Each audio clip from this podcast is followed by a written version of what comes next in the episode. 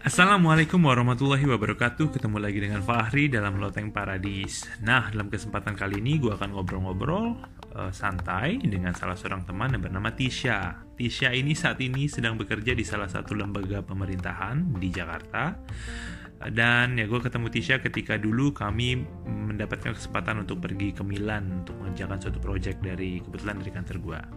Nah, Tisa ini orangnya suka banget yang namanya pergi jalan-jalan atau traveling. Nah, di sini gue pengen mendengar sharing cerita Tisha terkait dengan travelingnya dia. Kalau misalnya kita lihat ada dua kecenderungan, uh, traveling itu bisa dilakukan sendiri atau yang kita sering sebut sebagai single traveler atau bisa dilakukan secara berkelompok. Uh, dua-duanya memiliki plus dan minus. Jujur, gue pernah menjalani atau gue pernah mengalami dua-duanya. Gue pernah sebagai single traveler, di mana gue merasa bahwa gue bebas, apa pun yang gue mau, gue bisa melakukan suka-suka gue, ke mana mau pergi, suka-suka gue tanpa harus berkompromi ber dan bernegosiasi dengan yang lain. Tapi ada kalanya ketika gue harus pergi juga dengan teman-teman. Enaknya adalah ya bisa ngobrol, kita bisa sharing sesuatu, bisa saling apa ya, saling support satu sama lain dan lain-lain ya dua-duanya ada plus minusnya lah. Nah di sini gue pengen denger nih ceritanya Tisa dan terkait dengan preferensinya dia ketika dia melakukan traveling. Halo Mbak Tisha, apa kabar? Boleh dong cerita terkait dengan pengalaman travelingnya Mbak Tisha. Halo Mas Fahri, terima kasih sudah memberikan kesempatan kepada aku untuk sharing-sharing di podcastnya Mas Fahri yaitu Loteng Paradis. Mungkin aku akan cerita sedikit tentang perjalanan aku yang kebanyakan aku lakukan sendirian alias solo traveling jadi pertama kali aku solo traveling itu aku pergi ke Jepang. Dan setelah itu aku merasakan bahwa oh ternyata solo traveling itu menyenangkan ya. Akhirnya aku jadi ketagihan dan beberapa kali aku pergi ke beberapa daerah sendirian. Salah satunya itu uh, ke Ubud. Jadi aku pernah pergi ke Ubud di situ aku sewa motor dan aku keliling Ubud sendirian naik motor. Aku juga pernah ketika itu aku lagi suka banget sama drama Korea Memories of Alhambra akhirnya aku waktu di Itali pergi ke lokasi syutingnya Memories of Alhambra di Granada, ke Barcelona, Budapest, dan Ljubljana. Ada juga ketika itu aku suka banget sama komik judulnya Monster dan salah satu eh, lokasinya adalah di Praha. Jadi aku berkunjung ke Praha, aku berkunjung juga ke lokasi-lokasi yang ada di komik itu. Lalu aku juga pernah juga pergi ke Thailand itu impulsif trip. Dan di situ banyak banget yang aku temukan selain makanan enak. Menurut aku Thailand makanan enak. Aku juga ketemu sama beberapa teman baru di situ. Dan bener banget kata Mas Fahri bahwa solo traveling itu memang kita tidak bernegosiasi dan berkompromi dengan orang lain. Walaupun memang solo traveling itu kita nggak ada teman ngobrol tapi ya kita bisa ngobrol dengan diri sendiri atau kita bisa ngobrol dengan orang lain. Tapi memang kita bebas sebebas-bebasnya untuk menentukan tujuan kita ke mana. Kita bebas sebebas-bebasnya untuk melakukan apa yang kita senangi tanpa kita harus memikirkan orang lain. Dan mungkin salah satu pertimbangan aku juga kenapa memilih solo traveling adalah menemukan partner jalan yang cocok itu nggak gampang sih itu kayak menemukan jodoh. Ada yang bilang bahwa ketika kamu ingin tahu sifat seseorang ajak aja dia traveling tiga hari. Nanti kamu juga akan tahu sifat asli seseorang itu seperti apa. Kadang kita bisa aja menemukan partner traveling yang nggak cocok yang mungkin aja bisa menimbulkan friksi sama kita yang akhirnya membuat perjalanan itu terasa tidak menyenangkan. Tapi ada juga yang bisa menemukan partner perjalanan yang cocok. Tapi menurut aku memang partner perjalanan terbaik adalah diri sendiri jadi kenapa kebanyakan perjalanan aku lebih memilih untuk solo traveling? Tapi aku nggak menutup kemungkinan untuk pergi bersama grup traveling ya. Tapi menurut aku sih idealnya grup traveling itu nggak lebih dari empat. Karena karena semakin banyak orang itu akan semakin banyak pemikiran semakin banyak pendapat semakin banyak ego yang akan keluar dan kemungkinan untuk timbul friksi itu besar banget. Dan itu akan lebih menguras emosi dan menguras tenaga untuk menyatukan pendapat-pendapat itu untuk mengakomodir keinginan semua orang. Perjalanan itu untuk kita senang. Jadi paling enggak kita menghindari hal-hal yang membuat kita dan membuat perjalanan kita tidak menyenangkan. Maka dari itu ya semakin sedikit orang itu akan semakin mudah dihandle dan mengurangi potensi-potensi terjadinya friksi-friksi dengan orang lain. Oke, nah dari pengalaman-pengalaman itu menurut Mbak Tisha yang mana sih yang paling memberikan kesan buat Mbak Tisha? Semua perjalanan menurut aku semuanya berkesan ya, tapi memang ada yang paling berkesan sih salah satunya waktu itu di Salzburg.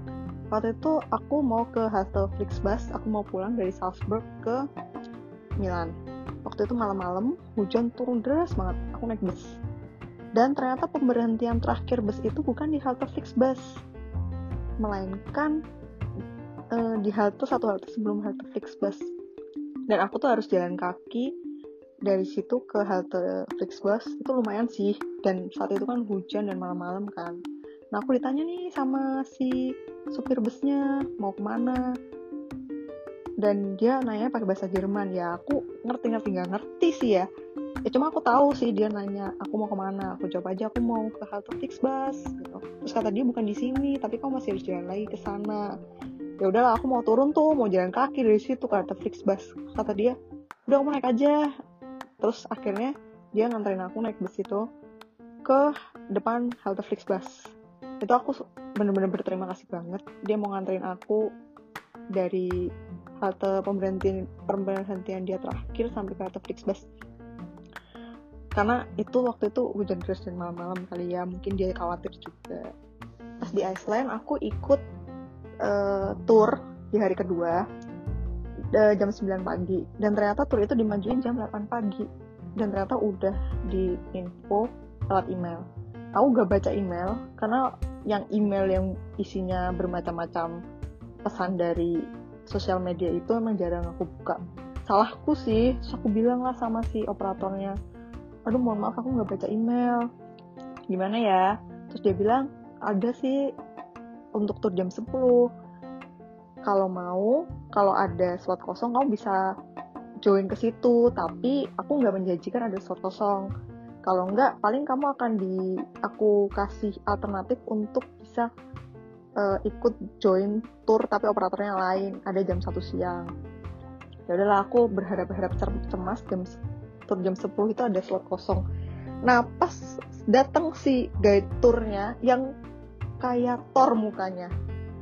Thor tapi versi Avenger Endgame alias perutnya buncit. Serius mirip Thor itu terus dia bilang ada slot kosong. Aku bener-bener kayak alhamdulillah ya ampun ada kosong aku sama temanku waktu itu aku berdua sama temanku. Kita bener-bener kayak anak kecil teriak-teriak seneng banget. Dan diketawain sama si pemandu kita si Thor itu. Karena ngelihat kita saking bahagia dan excitednya bisa ikut tour aku itu orangnya agak ceroboh. Jadi aku pernah dua kali ketinggalan handphone di dua negara. Yang pertama di Jepang. Waktu itu aku baru nyadar waktu udah sampai penginapan dan aku cerita ke si pemilik penginapan. Dia udah panik gitu nyuruh aku telepon Universal Studio karena hilangnya di Universal Studio. Terus dia nyuruh aku buat besok coba tanya ke Universal Studio. Tapi si penjaga hostel yang orang Australia bilang pasti ketemu kok kalau hilangnya di Jepang. Ya udah besoknya aku ke Los handphone dan beneran ketemu dan dikasih si bonus sticker yang kedua hilang di bandara Reykjavik jadi ketinggalan di toilet dan aku lacak ternyata dia udah di Los Angeles Nah, pas mau baliknya ini rada-rada drama juga gitu. Tadinya aku kirim ke alamat teman aku yang ada di Jerman. Tapi ternyata paket itu mental balik lagi ke Bandara Reykjavik. Akhirnya aku kirimlah ke Indonesia. Tapi karena itu barang dari luar dan nilainya lebih dari yang ditetapkan untuk bebas bea masuk, jadi harus ke sana dan bawa beberapa dokumen yang menyatakan bahwa memang barang itu adalah barang yang ketinggalan. Ya akhirnya aku bawa dokumen kayak paspor, tiket perjalanan pulang pergi. Kalau dokumennya lengkap sih prosesnya akan cepet sehari juga kelar. Nah, akhirnya aku pergi ke kantor pos yang di bawah uh, bea cukai pasar baru itu. Nah akhirnya balik deh handphone aku ada nggak kira-kira pengalaman negatif atau yang, duh, bikin Mbak Tisa jengkel selama melakukan traveling itu? Jadi pengalaman aku juga nggak selalu yang indah-indah, tapi juga ada pengalaman buruk. Yang pertama adalah pas aku di Prah, aku dapat kamar isi 12 orang. Nah, satu kamar ini kebetulan semua doyan party dan pada saat itu pergi party bareng-bareng dan pulang larut malam. Nah karena saya nggak ikut party atau ke klub gitu akhirnya jam 10 aku tidur. Mereka pulang jam 1 atau jam 2 malam dengan gedubrakan dan akhirnya aku terbangun. Nah, itu sih salah satu uh, pengalaman yang tidak menyenangkan dan itulah minusnya untuk uh, menginap di dormitory karena ya kita harus bertoleransi dengan orang lain. Yang mungkin orang lain enggak yang paling sering sih dapat roommate yang agak jorok ya. Jadi sampah, sampah ada sampah bertebaran di lantai ada uh, baju-baju kotor bertebaran gak karu-karuan di lantai seperti itu. Ada juga pas aku di Zagreb Nah, bis aku itu nyampe jam 9 malam dan waktu itu aku jalan kaki dari halte bus ke dormitory. Nah, di situ aku jalan kaki dan ternyata itu gelap banget jalannya, nggak ada lampu, bangunannya tua, nggak ada orang, sepi, gelap, belas serem banget lah pokoknya. Nah, aku jalan sendirian di sebuah kota yang aku nggak ngerti bahasanya, bahasa Kroasia, dan aku akhirnya jalan kaki dengan ketakutan sih agak-agak lari juga. Aku lihat kanan kiri ke belakang takut ada orang yang jahat yang mau menyerang atau kayak gimana. Untungnya sih sampai ke hostel dengan selamat. Ada juga ketika aku di Korea pernah ditawarin uh, masuk ke sebuah sekte agama padahal ya dia tahu aku kerudungan dari kan sebenarnya aku punya agama gitu tapi ya tetap aja sama dia dipaksa-paksa ditawarin ya akhirnya aku kabur aja lah ya kayak gitu sih dengan setengah berlari dan terengah-engah Kira-kira kalau dari tips dan trik, kira-kira apa sih tipsnya nih buat teman-teman yang mau melakukan perjalanan? Oke, okay. tips untuk teman-teman yang mau solo traveling. Yang pertama adalah kenali negara yang akan dikunjungi. Yang pertama adalah tingkat keamanannya. Khususnya untuk solo traveler wanita. Jangan sekali-sekali pergi ke negara yang tingkat keamanan diragukan. Sering-sering baca blog traveling orang lain dan di situ kalian akan menemukan banyak sekali cerita-cerita dari orang-orang. Nah, khusus untuk muslim, sebelum berangkat bisa riset juga masjid dan halal food di negara tujuan. Untuk negara-negara Asia dengan tujuan banyak turis Asia Tenggara misal kayak Jepang dan Korea itu udah gampang banget untuk menemukan masjid dan halal food karena mereka emang udah welcome banget. Kalau untuk negara-negara Eropa terutama untuk negara-negara di Eropa Timur. Terus menemukan masjid dan halal food. Yang kedua, cashless jangan bawa banyak uang tunai bawa secukupnya aja kira-kira untuk naik transportasi umum ke tengah kota dari airport selebihnya tarik tunai di tengah kota secukupnya atau bayar pakai kartu karena semua sudah banyak negara yang bisa menerima kartu asal kartu kita Visa, Mastercard. Yang penting ada chipnya. Karena beberapa kartu debit di Indonesia itu ada yang belum pakai chip. Pastikan bahwa debit card kamu ada chipnya dan diterima di negara-negara tujuan. Yang ketiga penginapan. Pilih sesuai budget. Kalau untuk model-model backpacker atau biasanya kalau aku solo traveling, aku memilih hostel dengan kamar dormitory. Nah, saran aku pilih yang kamar khusus untuk yang laki-laki, pilih kamar khusus laki-laki, untuk yang wanita pilih kamar khusus wanita dan dengan jumlah tempat tidur tidak lebih dari 6. Karena makin banyak tempat tidur itu, biasanya tempatnya akan makin kotor. Karena banyak orang kan, jadi ya orang tuh ada yang punya kecenderungan untuk menaruh barang sembarangan seperti itu. Kalau enam orang, biasanya sih satu nggak terlalu berisik dua agak terjaga kebersihannya empat jangan mudah percaya sama orang lain di Eropa itu scam banyak banget jadi pasang tampang poker face aja. Supaya agak-agak nggak peduli. Kalau disapa nyapa balik tapi secukupnya aja. Pun kalau ada yang ngajak ngobrol kita juga harus tetap waspada apakah orang ini punya maksud dan tujuan lain maksudnya maksud dan tujuan lain yang jahat atau enggak. Kita harus tetap waspada sih. Nah di Eropa juga banyak banget copet nih. Karena sering banget orang cerita bahwa dia kecopetan terutama di metro-metro di kota Paris atau Milan atau Roma nah, itu sering banget nih ada cerita Nah, makanya harus tetap waspada nih untuk barang-barang bawaan, terutama paspor. Itu jangan dijadikan satu dengan dompet, karena biasanya pencuri akan menargetkan dompet kita. Makanya paspor itu sebisa mungkin dijaga, karena akan repot banget kalau kehilangan paspor. Yang nomor 5, bawa tripod. Nah, ini untuk solo traveler, ini penting banget nih, bawa tripod atau selfie stick alias tongsis. Percaya, ini benar-benar akan berguna banget karena biarpun agar tetap punya foto diri sendiri dengan pemandangan walaupun kita pergi sendiri. Alternatif lain sih bisa minta tolong untuk fotoin orang lain, tapi kadang untuk beberapa negara yang bahasa Inggrisnya agak susah, kita juga susah juga untuk minta foto. Jadi tongsis dan tripod itu salah satu yang membantu banget ketika kita solo traveling